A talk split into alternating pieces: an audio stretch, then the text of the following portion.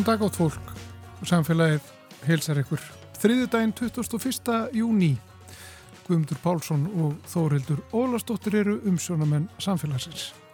Hvaða fiskur er með hæsta eða mesta kólefnisfótsporið og hvernig kemur það fótspor til? Er hægt að draga úr mengun þegar kemur að fiskveiðum og fiskeldi? Er það að kaupa eldisrækju sambarilegt við að reka risastóran díseljeppa? Er þá kannski betra að hjóla og veiða urriða í næsta vatni? Við ætlum að rýna betur í þetta hér á eftir. Svo ætlum við að lusta á dulafull hljóð.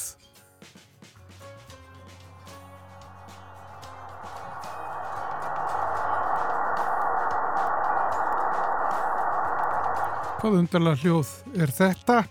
Hvaðan kemur það og hvað þýðir það ef eitthvað við komumst að því síður í þettinum?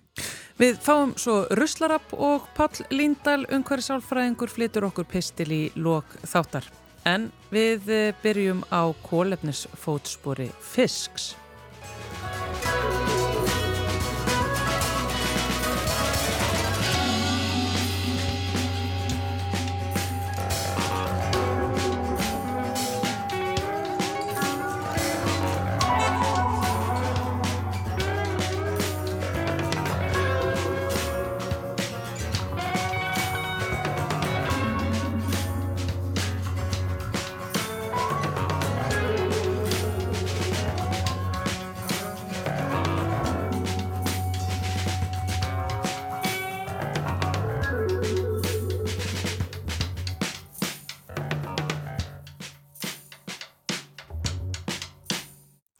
Sífelt fleiri velta fyrir sér kólefnisfótspori matvæla. Allt sem þú borðar á sér sögu og bakgrunn og söm matvæli menga meira en önnur. Jafnvel innan sömu fæðutegunda getur verið mikill munur. Avokado til dæmis er frá Peru alla jafna. Það er með miklu harra kólefnisfótspor en paprika frá hveragerði. Nautakjött er með harra kólefnisfótspor en kjúklingur. Og þetta á líka við þegar kemur að sjáarfangi. Það er til dæmis töluverður munur á kílói að rækju og kílói af þorski, hvað mengun varðar. Við ætlum að skoða þetta betur. Sérstaklega þetta með fiskmetið með Helgu Jóhannu Bjarnadóttur sviðstjóra samfélagsviðs hjá Eblu en þau hafa ymmit gerð svo fræg að búa til reikni, matarsporið svo kallað sem reiknar út kólefnisfótspor matvæla. Sæl Helga Jóhanna. Sæl og blessuð og takk fyrir að bjóða mér. Það er þetta með reiknin ykkar. Þið eruð alltaf að rína í hvað maturinn kostar umhverfið. Já, já, matarspori, það er svona uh, reiknir, hugbúnaður sem við höfum búið til, byggir á gagnagrunni. Við hjá eflum búðan til og, uh, og þarna eru yfir 70 flokkar af matvælum sem við höfum sett þarna inn og uh, mikið af þessu eru uh, byggt sem sagt á erlendum uh, greiningum, svo kvöldlega vistfylgsgreiningum uh, á matvælum. Frá 30.000 mismundi bílum til dæmis, frá 100 mismundi löndum. Og það, þetta er unnið upp úr svona saptgreiningum þessi hérna gagnabanki, en síðan höfum við líka sapnað inn í þetta íslenskum tölum að því að það er eins og þú sagði réttilega í pyrjun að það skiptir alveg máli hvaðan varan er og, og, og við höfum sapnað nokkrum íslenskum tölum inn. Það er ekkert íkja margar enn sem komið er en það er, eru nokkrar. Og maður heyrir að þetta er svona mikið hita mál bæði náttúrulega hjá hérna, bændasamfélaginu hérna heima til dæmis. Græmiti spændur vilja náttúrulega benda á að þeirra vara sem er minna kóljötnisfótspor heldur en það sem er innflutt. Og já það sama og við um söðfjár og nautabændur Já, það er alveg frábært að þetta sé hita mál að menn séu farin að láta sér þetta varða, það er alveg frábært og það sé komin svona fókus á þetta hjá líka almenningi. Um, það er þannig að uh, það er, uh, það er unni með meðaltöl og uh, við vitum alveg að það er ákveðin röðun á, á kolminsbóri mismöndum atvæla, við -huh. vitum alveg að nautakjött er, er að meðaltali frekar hátt en það er líka mjög mikil breytt í nautakjöttinu Já. og það skiptir mjög miklu máli port sérst að tala um holdanaut eða naut sem er líka, nautakjött sem líka er notuð mjólkinn að því þá deilast umhversáhrifin á mjölkuvörðunar og kjötið þannig að þá lækkar það kolumnisporið fyrir, fyrir nöytið og, og, uh, og í rauninni þá er líka uh, öruglega mikill munur á íslensku nöytakjöti og og ymsu uh, erlendu eins og ég segi það er mikil breytt og þess vegna mikilvægt að framleiðendur komi sínum upplýsingum á framfæri geri svona útrekninga fyrir þær vörur og fyrir virðiskeðjuna sína. Já. Og allan að miða við þann áhuga sem að matarsporið ykkar færa þá er þetta eitthvað sem neytendur vilja skoða. Já. Að ef þeir ætla á annar borða að fá sér nautakjött þá vilja þeir velja það nautakjött sem er með minsta kóletinsfótspórnum. Já, ég sé fyrir mér að, að neytendur ætti að, að kalla eftir þessum upplýsingum raunin á umbúðum alveg eins og við viljum fá upplýsingur um næringrefna innhald að við viljum fá svona umhverfis upplýsingar á vörurnar og, og, og þetta hlýtur að vera eitthvað sem bara kemur vonbráðar í, í hérna frá framleiðendum. Já. Sko, flestir eru náttúrulega meðvitaður um uh, kólennisfótspor uh, á kjöti af því að það hefur verið tölvert mikið í umræðinni en það er í rauninni ekki fyrir nýlega sem að kannski svona meðvitaðun fyrir sko mismunandi kólennisfótspori á fiskmeti, mismunandi fisktegundum mm -hmm. e, er að koma fram og bara núna fyrir fólk sem að er að veltaði fyrir sér. Á hverju? Það er ekkert allir sem að þekkja sjáurútvegin eða skilja hvernig þetta verður til, af því þetta er allt úr hafinu. Já, það er einmitt ekkert skrítið, en þá aftur þarf maður að, að, að skilja virðiskeðina, hvernig þetta verður til og, og grunnurinn, rauninni sem er einfaldast að hugsa er að, ef það þarf mikla ólju til þess að, að, að framleiða veiða eða, eða, eða viðkomandi matar að verði til þá eru líka tölverð umhverjus áhrif að kólumnis spora því að, að því við bruna á e, einum lítra dísilolju þá eru cirka þrjú, rúmlega þrjú kíló af, af, af CO2 ríkildi sem að myndast sko. þannig að þannig Uh, til dæmis í sjávari útvegi yfir höfu þá er, er ólíunótkunni stóri þátturinn sem veldur kólumnis borinu en, en líka kælumillar og síðan er, er vinsla og flutningar miklu miklu minni þáttur.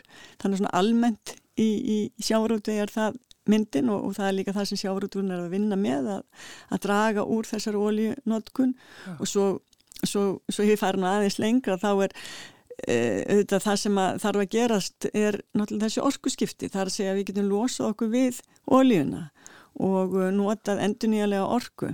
Og, uh, og það myndi ég að halda er þið bara ekki mjög langt í það, ég menna það, við erum að sjá það á næstu árum, það er nú þegar komin, komin skip sem að geta, geta hérna notað aðra orkugjafa og ja. þar eru við að horfa orkugjafa eins og, og ammoniak og vettni.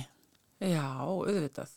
Þannig að þetta, þegar þessi orkuskipti sjáur út við koma í, í gagniða þá mun kóletnarsfótspor, já bara eiginlega alls sjáarfongs lækka bara mjög mikið. Já, einmitt, nákvæmlega fyrir allt sem er veitt til dæmis, mm. þá mun það lækka mjög mikið þar sem þú þarfst að sækja aflan út á, á haf. Um, svo aftur þegar við erum að tala um eldi, mm -hmm. lagseldi, bleikjueldi, þá eru aðrir þættir sem koma mjög stert inn og, og, og það er til dæmis rauninni fóðrið.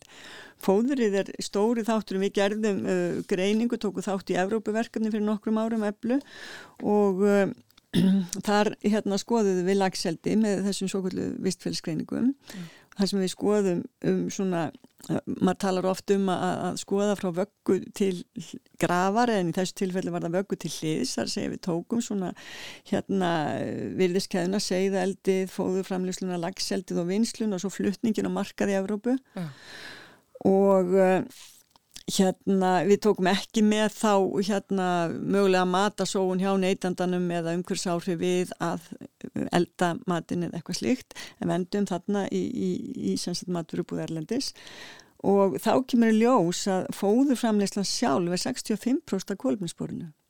Það er bara eins og olju hérna kostnæðurinn þegar þú ert að sækja eitthvað út á fiskiminn. Já, það er, það er nefnilega svo óbúslega stór hluti þarna í, í eldinu og Já Og, og þá ef maður kafar ofan í, í fóðri þá þarf maður auðvitað að spá í hvaðan, hvernig fóður er þetta, er þetta, er þetta dýrafóður eða semst sjáafang sem er í fóðurinu eða er þetta, hérna, úr jörtaríkinu, soja eða eitthvað slikt og, og hvernig verða síðan þær afurðu til? Og, og, þar er alveg e, e, auðvitað líka ólíunótkun þannig að, þannig að, þannig að ef að ef maður geti kallað eftir þessu fóðuri með frekar lágu kólumspori þar sem að menn hafa Já. skiptum orku til dæmis sem að verði þá í, í framtíðinni þá, þá er það mun betra Já.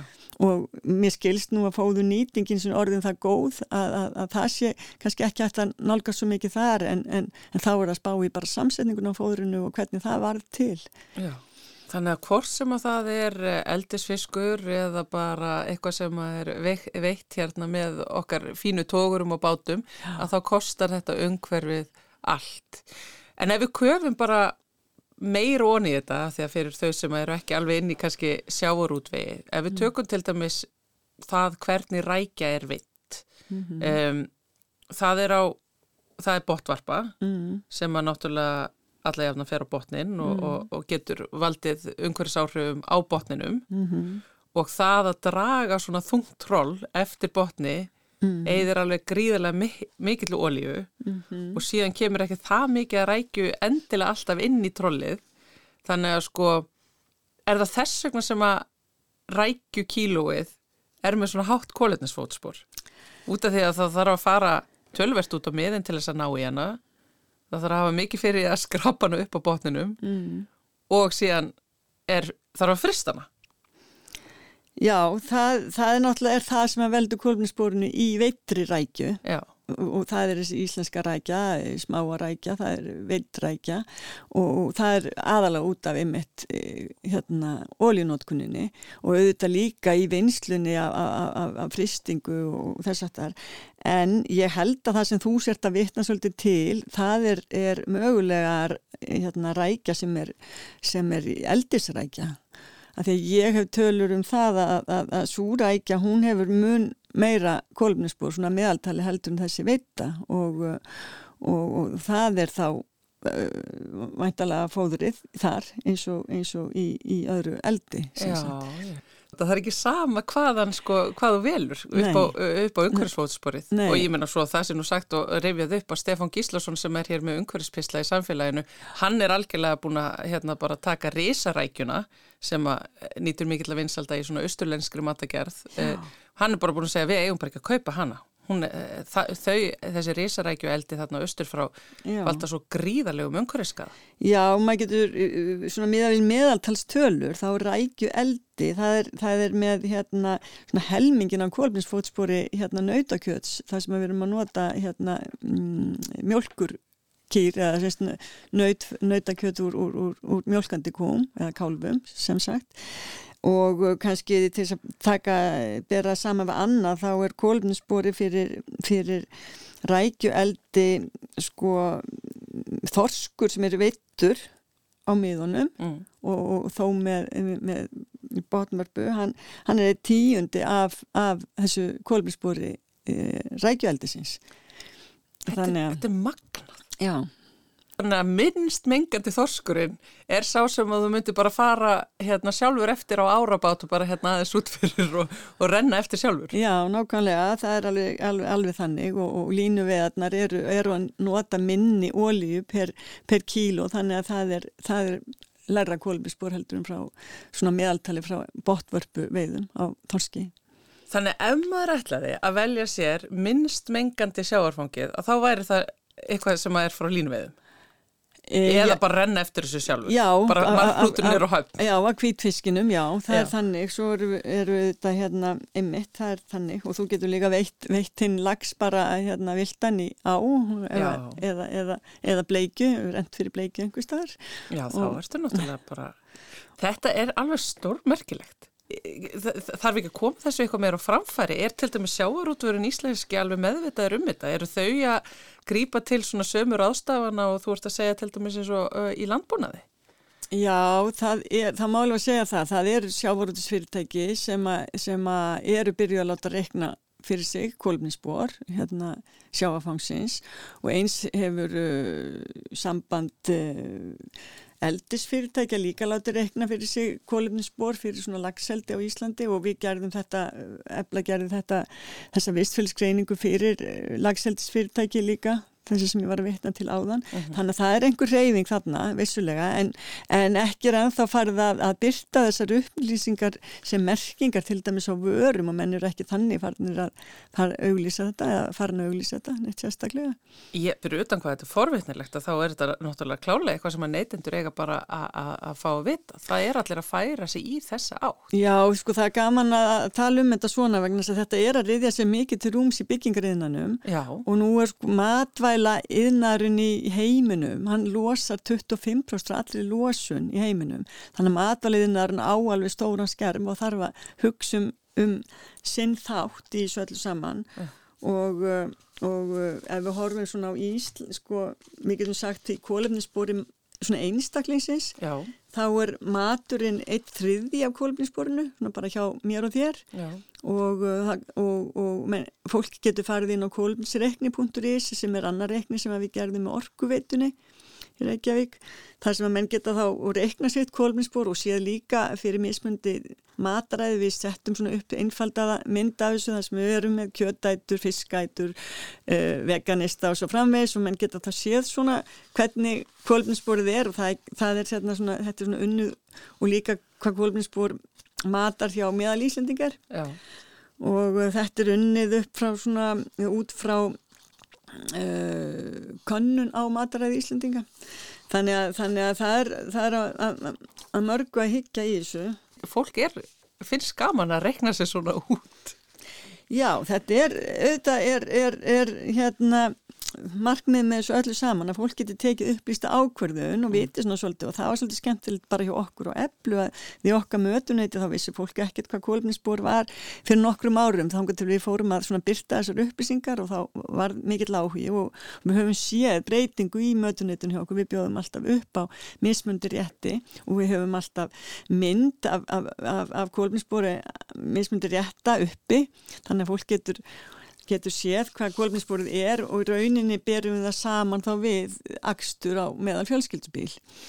Og, og þannig getur fólk séð já er ég að borða núna fyrir sem samsvara 50 kílometrum eða bara 10 kílometrum eða, eða 5 kílometrum þannig að þetta svona, þetta svona kemur hlutunum í samengi hjá fólki. Framsetning skiptur öllu máli. Hún gerir það En svo er þetta náttúrulega, vil ég meina að, að, að framleiðendurnir, þeir þurfu einmitt að vera að horfa á þetta inn á við, ekki bara beita uppsingur út á við, heldur líka til þess að bæta, gera betur, þarna sér maður eins og í lagseldinu að, að fóðurinn skiptir svona miklu máli, þá, þá er svo mikilvægt að eiga samtali við fóðurframleiðendurnar og hvernig er hægt að gera betur og kalla eftir uh, fóðri sem að hefur læra kólpinsbór. Já.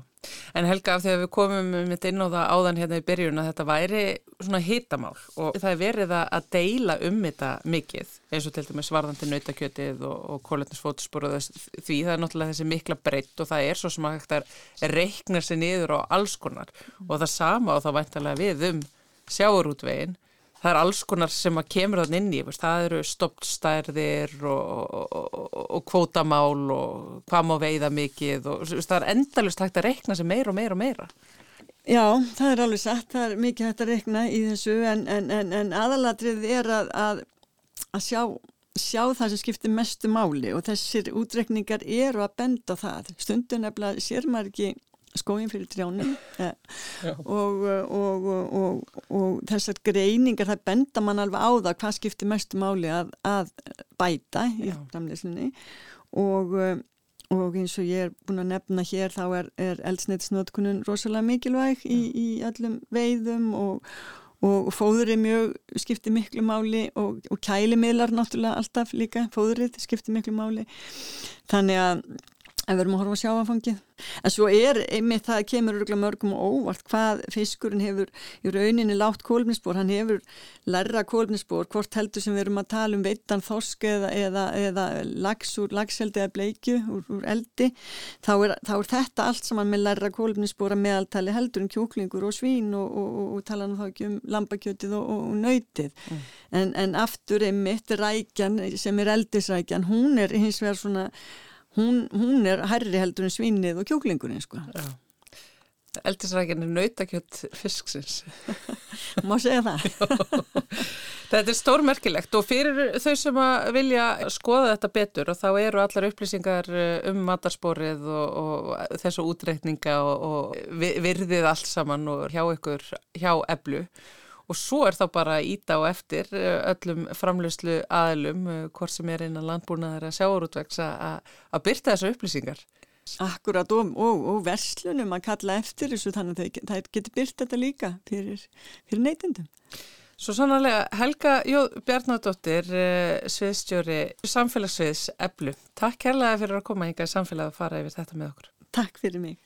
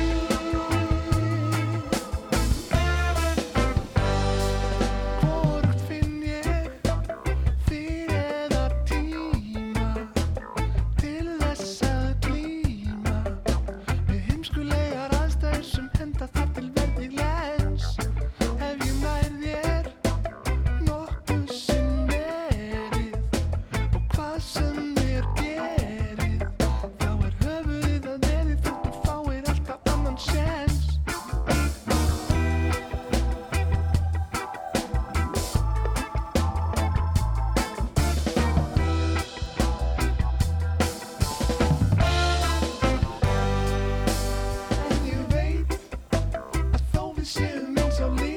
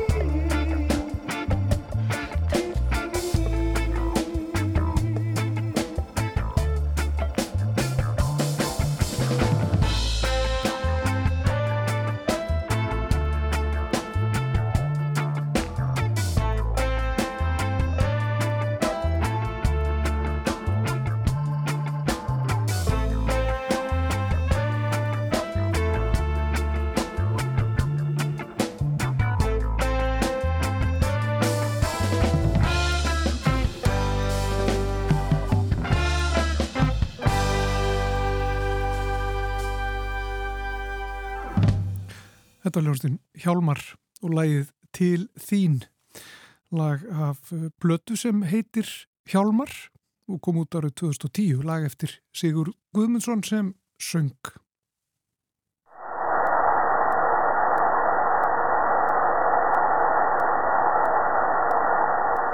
Þetta sem við heyrðuð núna er upptaka af vatni að renna um varslagnir uh, nánatiltekið í Östurbrún í Reykjavík og hann er sestur hjá mér Olger Gunsteinsson sem er sérfræðingur í lekaleit hjá Veitum.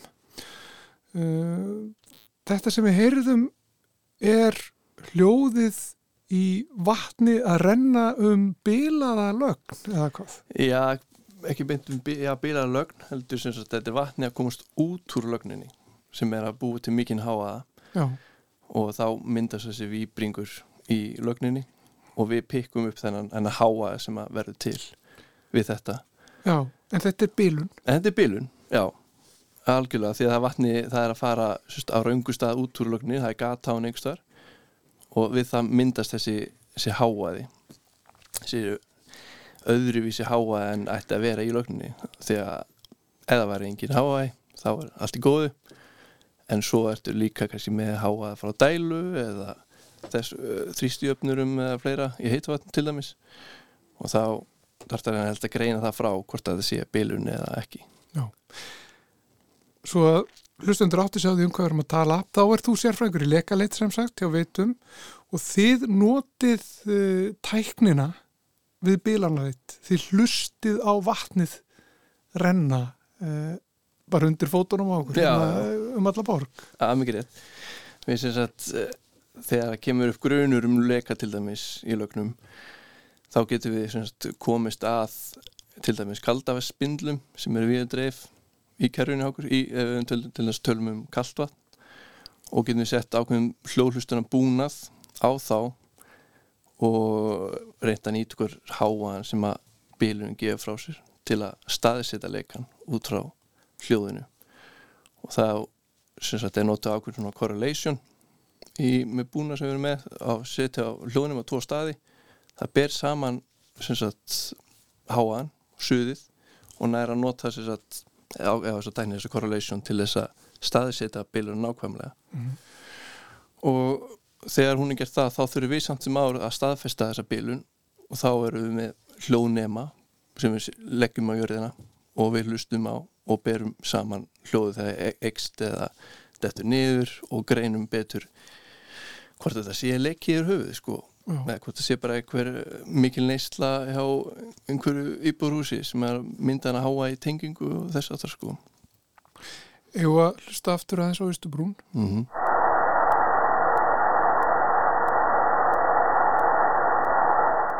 Hvað er að gerast það?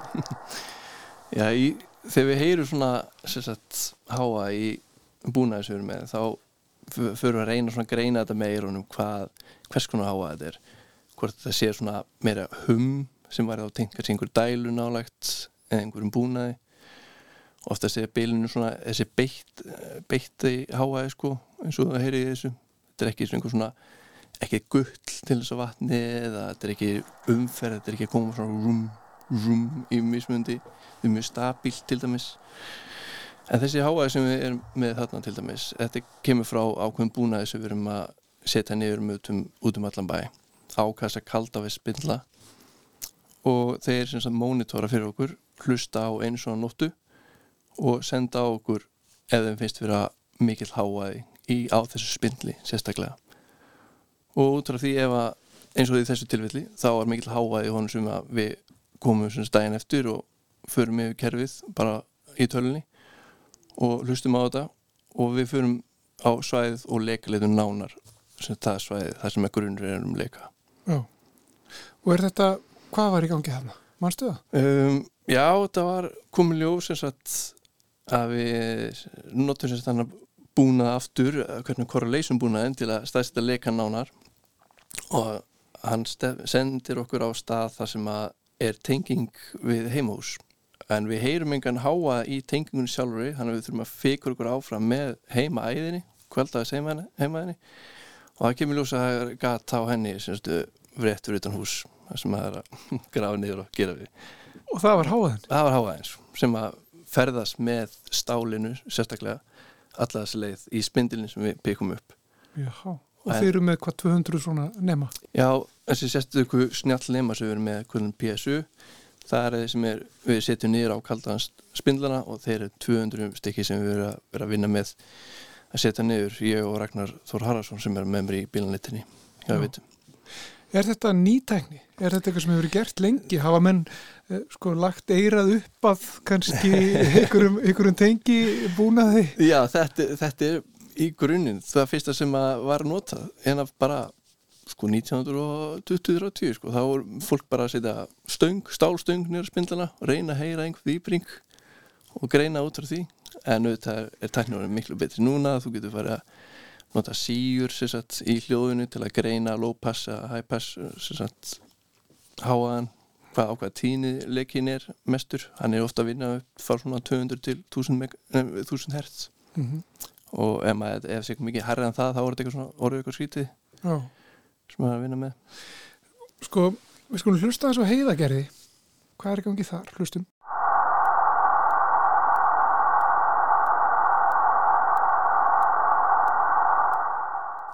Heiðagerði hljómar svolítið öðruvísi en, en Östurbrún, það er eitthvað öðruvísi bílun eða hvað?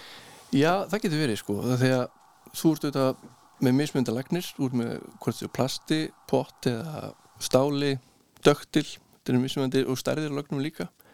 Og til dæmis ef þetta eru lagnir og potti sem kallast, við erum svona blanda á ákveðu játni, þá myndir svo þerbrot, það er af stærri bílanir og þá heyrist meiri háa í þessu. Á meðár til þess að vinna með stálögn sem tærist í gegn og farið bara lítið gat eða stór gat. Og þá eru einmitt því maður getur heyrt svona tíðinu munin að toppurinn á frá Östubrún er aðeins annar heldur en sem er hjá heðegeri og en þannig að það getur svona já, gemur hugmynd hvernig leikinn sé sko. Mm -hmm. og en það er eitt í þessu líka þú er kannski með reysa leika en það heyrist herra í þessum sem er minni stundum. Það er meiri einhvern þrýstingur út úr lítið gatt meiri læti með því og meiri hittir svona meira svona þykkara ljóðþengur og meiri svona gull tengt því sko. En maður er út, útskýraði einhvern veginn. En þessi hljóðnumar eru þeir að taka annað hljóð sem að kemur varslögnunum ekkert við? Já, já, það, það kemur alveg fyrir sko. Maður hefur komið sem að morna og fengi meldingu að þessi háaði sko í einhvern þessum snjallnefnum sko. En svo hlustar á hljóðið þá heyrist þetta, þetta er bara bíl mm. sem er, er lagt nákvæmlega vonað klukkan þrjú nóttina og bara rúndaðan eitthvað en það er svona já, þá heyrir maður það fljótt En ef fólki heiðagerði mm -hmm. hittist stendur beintón og svona svona einhverju, ég myndi að til einhverju brunnur eða brunnlokk og náðu eða hvað? Já, þetta er bara svona 2700 í radíus, nei, í þermál sko, lokk sem er svona Já, en einhver stendur beint og náðu mynduðu þið heyra það? Nei, það, nei. Ja, þó þú í versta, verstu leikonu sko, mesta háan, þá myndur mögulega geta snert og fengi pínu výbring en það er mjög hæpið Já Þannig að þetta er það sem við, við erum vinnað með þess að tækja til að pikka upp alveg minnstu hljóðin og greina þau út frá því. Er þetta luti af sko vegna þess að það er, það er svona, já eining er að kalla það ekki sem er innan veitna sem, mm. a, sem er uh, snýstum um uh, snjallvæðingu já. og, og stafræna þróun eins og það kalla. Algjörlega. Um, þetta er vantilega hluta því Já, þetta er bara partur af því sko og við semst bílanetinn í hitt og kvöldu vatni er undir einmitt svona starfana þróun og stjallanga teimi og við vinnum mikið saman í að láta svona gögnin fljóta á milli og reyna að finna góða leðir til að betrum bæta bílanleið til dæmis. Og sama tíma eru við mikið út á mörginni við tveir og þau eru meira tengt svona gagnarsöfnun og, og greiningur og sliðis þannig að við ná, gefum gott feedback eða þannig Já. á hvort annað. Og þau eru í því að reyna að vinna með þessu gögg sem eru um að reyna að finna, fá úr kerfinu til að greina betur og reyna að ný, nýtast og snjallvæða kerfið að við sem þá sem fyrir á staðin til að finna bílunar heldur að vera, vera svona að reyna okkur á fólki út í bæ sko, að sjá lekað á ringir eða veitur og við komum á staðin oh. þannig að við erum svona að reyna að fíka okkur nær því að já, verið slót og getum að finna fík upp leikana oh. það, það getur fundist út frá reynsli í kerfinu, einhver óöðlegu reynsli sem er að gerast til dæmis og þrýsting einhver breyting í því en það er oft erfitt fyrir okkur að greina bara með augunum einhverja breytingu í reynsli til dæmis. Þannig að þeir eru með ákveðin svona mótel og, og svona kerfið sem við erum notað til að pikka það upp að sé eitthvað skrítið í gangi mm -hmm. og láta okkur vita. Og við fara á þrengt svæði sem við getum fara að leika leita þó leikin kongi upp. Hann er kannski fara bara nýri fráutu eða hvað er. Og það er einn ein, ein tenging líka við frátuna að þau láta okkur vita ef það er óeðlegt reynsli í, inn í kerfið á þeim. Þá er eitthvað í gangi. Já, og það er mælt með ímsum aðferðum. Já, já, bara, út, um allan bæ og, við, og sagt, þetta teimir og vinna mikið því að stjálfa í kerfi varandi að setja mæla á réttu staði út, út, um allan bæ og líka hjá intökum hjá fólki það er verið að setja upp mæla sem að mæla það betur hjá reynsli og þá færður svona endapunktin á reynslinu á þeim og hvað við erum að setja inn í kerfið og reyna að finna út úr breytingun hann á milli, hvort við erum að missa vatni eða hvernig það er. Já, maður ímyndið sér með þetta, þetta sé mér mikilvægt einhvern veginn að, að, að átta sig á því þegar að kerfið er ekki að virka þess að það að gera, náttúrulega það getur vantanlega ímyndaði mér fallið niður einhver þristingur í kerfinu Já, eða aukist eða eitthvað getur farið í sundur og svo viltu náttúrulega ekki tapa eh, Vatninu. vatni út úr kerfinu það er náttúrulega hræðileg sóun bara hreinlega. Já, já, vera að dæla óþara vatni bara út í sjó sko. Já, sem var eiginlega um tímabil sem sem sagt kringum 1970 eða svo að það á hann að fara í vel aktífa svona bílana leit. Það, það, það var bara ekki orðið nóg vatn sko sem var komast til fólks. Það fóð bara út í sjó. Já, það var svo mikið um bílinu sem að sáist ekkert sko. Einmitt. og eftir það var farið í þetta þá hefur þessi semst, teimi haldið áfram í þessu að halda kerfinu við það, það kom bílnir saman hvað Eru einhverjar lagnir sem að engin veit hvert liggja? Er, er, er vatn að renna um þessi kerfi sem að, já, menn átt þessi ekki alveg á hvaðan er að koma? Já, það er alveg sem sagt, dæmið það sko að koma til þessu blekar hér og það sem að er ótengtur okkar kerfi að við heldum en svo fyrir að skoða máli betur þá er bara einhver gömulögg sem er er tengd inn sem að já, hvað er ekki, einhver pípar eða eitthvað laumæðast inn og fyrir lungu, lungu, lungu síðan sko. Og bara setja tappi svo klikkar það tímanum og kemur vatn. Það var eitt hérna hvað er stafn er í árumúla minnum mig fyrir nokkur þá kemur upp vatn upp í miðri umfræði og að langt frá okkar lögnum sko. En svo er mikið svona rannskonum vinna oft í kringum þetta að við erum að vinna með loftmyndir til þess að hernum og svona sóntæki til að staðsetja lagnir og fikk okkur áfram og gamla teknikar að það kemur ljós að þannig var semst, íbúðrús bara út í miðri göttu fyrir 50-60 árum sko, sem var búin að rífa engi vissum sko, og þetta var þetta gömul heimað í það hús sem að ef að fann að leika með tímanum sem var ekki búin að tekna Já. Þannig þannig að þitt starf það er bara það er aldrei efintýralegt, Já, getur verið. já, það getur verið mjög skemmtilegt sko, svolítið svona rannsónar fílingur inn á milli sko, sem er mjög skemmtilegt og engi dagar er eiginlega eins hjá okkur sko. Og svo færið það að hlusta á þessi fallegu hljóð. Já, segðu, það er Mm. svona symfónía er hún sko. Ég myndi bara að getur verið gott að sopna út frá þessu. Já, þetta, er svona white noise sko, fílingur, það alveg rétt. Við, við erum, eitt, erum tveir í þessu og það er svo magna hvað það skiptir miklu máli ofta að vera tveira því að eins og tölum varandi svona rannsónvinna, við erum alltaf með hugmyndir og skjóta okkur annan hvort að hvað gæti verið klikk eða hvað er það þarna eða þarna og þannig að það er, það er mjög nöðslegt að geta já, talað um hugmyndirna því að maður festist bara í einni Já. hvað sem maður einni línu að leikinn sé þarna en svo kemur annar ljós eða grafið niður og þá er bara þurru leiki eins og við tölum það kemur fyrir maður maður að brenna sér stundum á því að það er einhver háaðina en það kemur ljós að það er bara ekki leiki og þá þurfum við að fara að skoða það betur Já.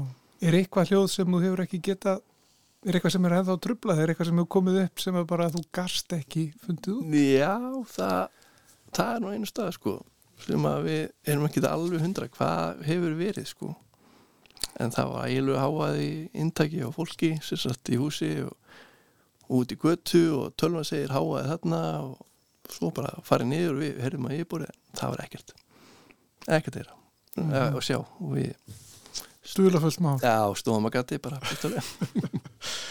Þetta er duðlafullt mál.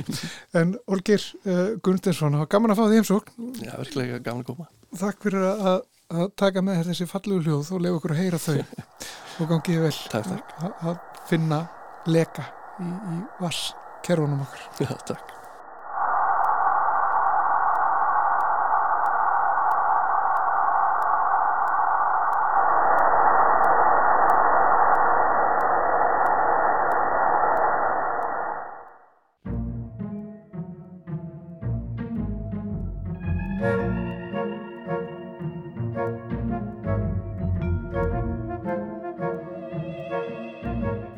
Ruslarappið farið á stað, Eiríkur Örð Þorstensson hjá uh, Sorpu, sestur hjá okkur sérfræðingur þar í fræðslu og miðlun. Eiríkur, uh, hvað ætlar að segja okkur frá í flokkunumálum í dag? Herri, ég ætla að tala um uh, innóta hanskana, eitthvað kannski sem að við erum farin að nota aðeins minna af núna, Mm -hmm. en, en samt er, er fólk ofta að veltaði fyrir sér hvað þeir að gera við þetta. Þessir einnóta hanskar þeir eru uh, oft gerðir úr, þetta er mismunandi hanskar uh, nælon, latex, vínil og svo leiðis uh, og oft er fólk að veltaði fyrir sér hvort þetta fari með plasti eða bara með almenna uh, sorpinu. Þetta var allavega ekki heima með plasti þannig að, að góð regla bara er að einnóta hanskar fari með almenna sorpinu. Já. og það er líka þá náttúrulega við, við erum að setja okkur einnóta hanska út af einhver ástöðu við erum að með, meðhandla eitthvað eða eitthvað efni eða svoleiðis þannig að e, slíkt á ekki, ekki að flokka með plasti. Já, þá veitum við það. Takk hérlega fyrir þetta, Eiríkur Örn. Takk fyrir mig.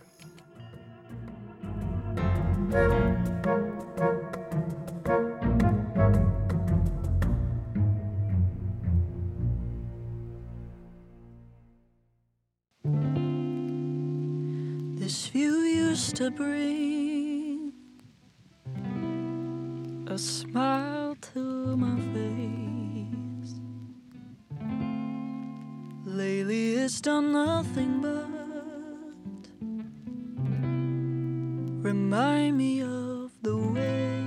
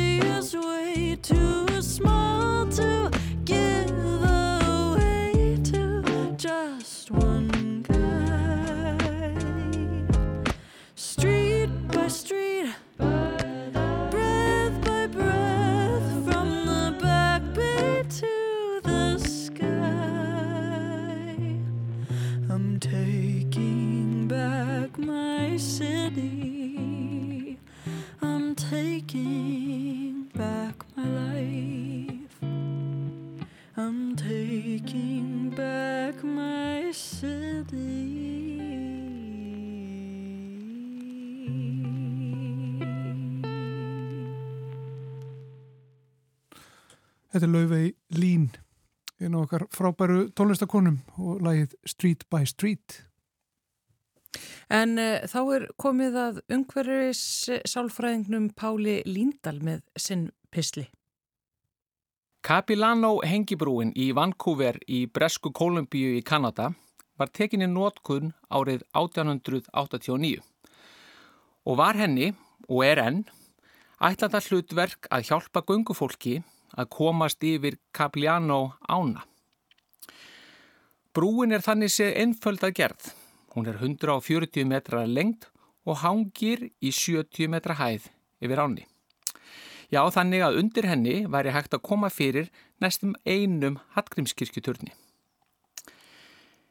En það er einmitt vegna þessarar einföldu gerðar Cagliano brúarinnar, lengdar hennar, hæðar yfir landi, auk þess sem hún sveplast í takt við umferðina sem um hana fer, að göngumferði yfir hana getur tekið á taugarnar og fengið hárin til að rýsa. Brúin er því vinsall áfangastöðu þeirra sem leggja leiðsina til Vancouver. En það er fleira sem dregur fólk að brúni. Því einmitt þessi brú legg stort hlutverk í þekktri sálfæralegri rannsókn sem byrtist í tímareitinu Journal of Personality and Social Psychology árið 1974. Höfupöyra rannsóknarinnar voru tveir náungar sem nýlokið hafðu doktorsprói til Don Dutton og Arthur Aron og leik þeim forvitni á að vita meira um tengsl líkamlegs ástands fólks og romantísk aðdráttaraps og þá kom hengibrúin að góðum nótum. Framkvæmd rannsóknarinnar var í stórum dráttum þannig að konan okkur tók sér stöðu á enda Cagliano brúarinnar og óskaði eftir því að karlmenn sem nýlokið höfðu göngu yfir brúna tækju þátt í rannsókn sem fólsti því að þeir skrifuðu stutta sögu við mynd sem hún síndi þeim. Að því loknu let hún mönnunum í tíu símanúmer sitt með þeim orðum að ef þið þyrtu að ræða rannsóknina eitthvað frekar þá væri þeim velkomið að slá á þráðin. Sama fyrirkomulag við hafði konan svo við enda annarar brúar í nágrenni Cagliano brúarinnar. En svo brú var munstöðuri og í minni hæð yfir jörðu. Ganga yfir þá brú vakti því almennt séð lítinn sem engan óta meðal þeirra sem yfir hana fóru. Þegar Dötton og Aron tóku gögnin saman komu áhugaverðir hlutur í ljós. Því nýju af þeim átján kartmannum sem hafðu farið yfir Cagliano hengibrúna rétt áður en þeir hittu konuna nýttu sér bóð hennar um símtal en aðeins tveir af þeim 16 sem fóru yfir síðanemdu brúna þessa tryggu sem vakti ekki upp neitt óta. Niðurstöðunar síndu einnig að sögur mannana sem gengu yfir Cagliano-brúna voru romantískari og með kynferðisleiri undirtón en sögur hinna. Þetta þótti Dötton og Aron bísna merkilegt og töldu þeir að þessi ríkari tjáning og þessi aukni áhugi á konunni meðal göngumanna sem gengu yfir Cagliano-hengibrúna mætti að stórum hluta eigna mistúlkun þeirra á eigin líkamsástandi.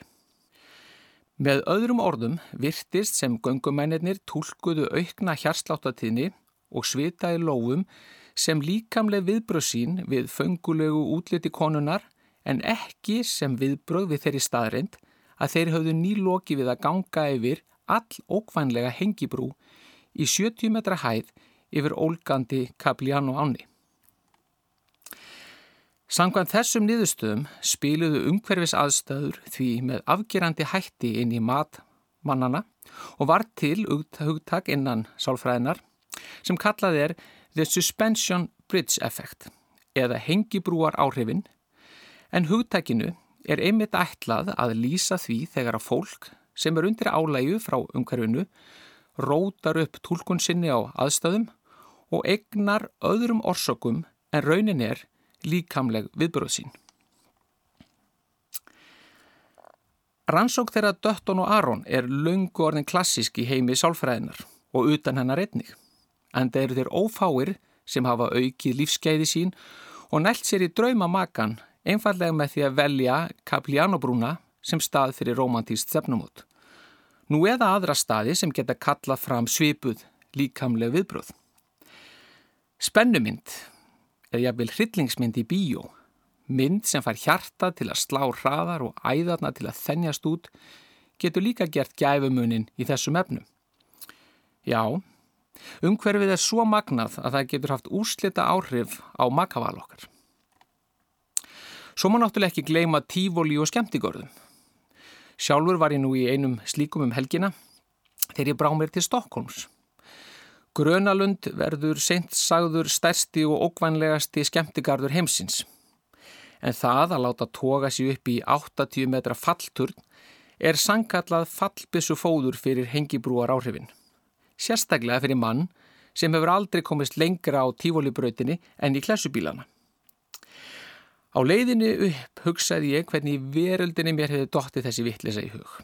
Og upp í 80 metrónum mat ég svo sannarlega virði þess að vera á lífi og það að fá áfram að lifa. Þessi tilfinning þegar maður finnst maður hafi verið dregin út á istu nöf inn í einhvern fáránleika. Þessi tilfinning er einhvern veginn svo vond því maður er svo skítrættur en samtímis er hún líka góð. Rannsóknir hafa nefnilega sínt að tæki í skemmtigörðum bjóða flestum sem þanga sækja upp á jákvæða streitu sem er streita sem fólk leitar með virkum hætti eftir að upplifa og er í raun lífsnöðsynleg ef við ætlum að lifa ríkulegu og hilsusamlegu lífi.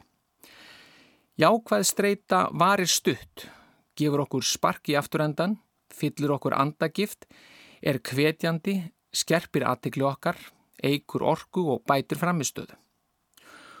Og af þessum ástöðum er gott fyrir okkur að leita af og til í umhverfi og aðstöður sem vekja upp hjá okkur jákvæða streitu og leif okkur að finna fyrir fyririldum flögra um í maganum.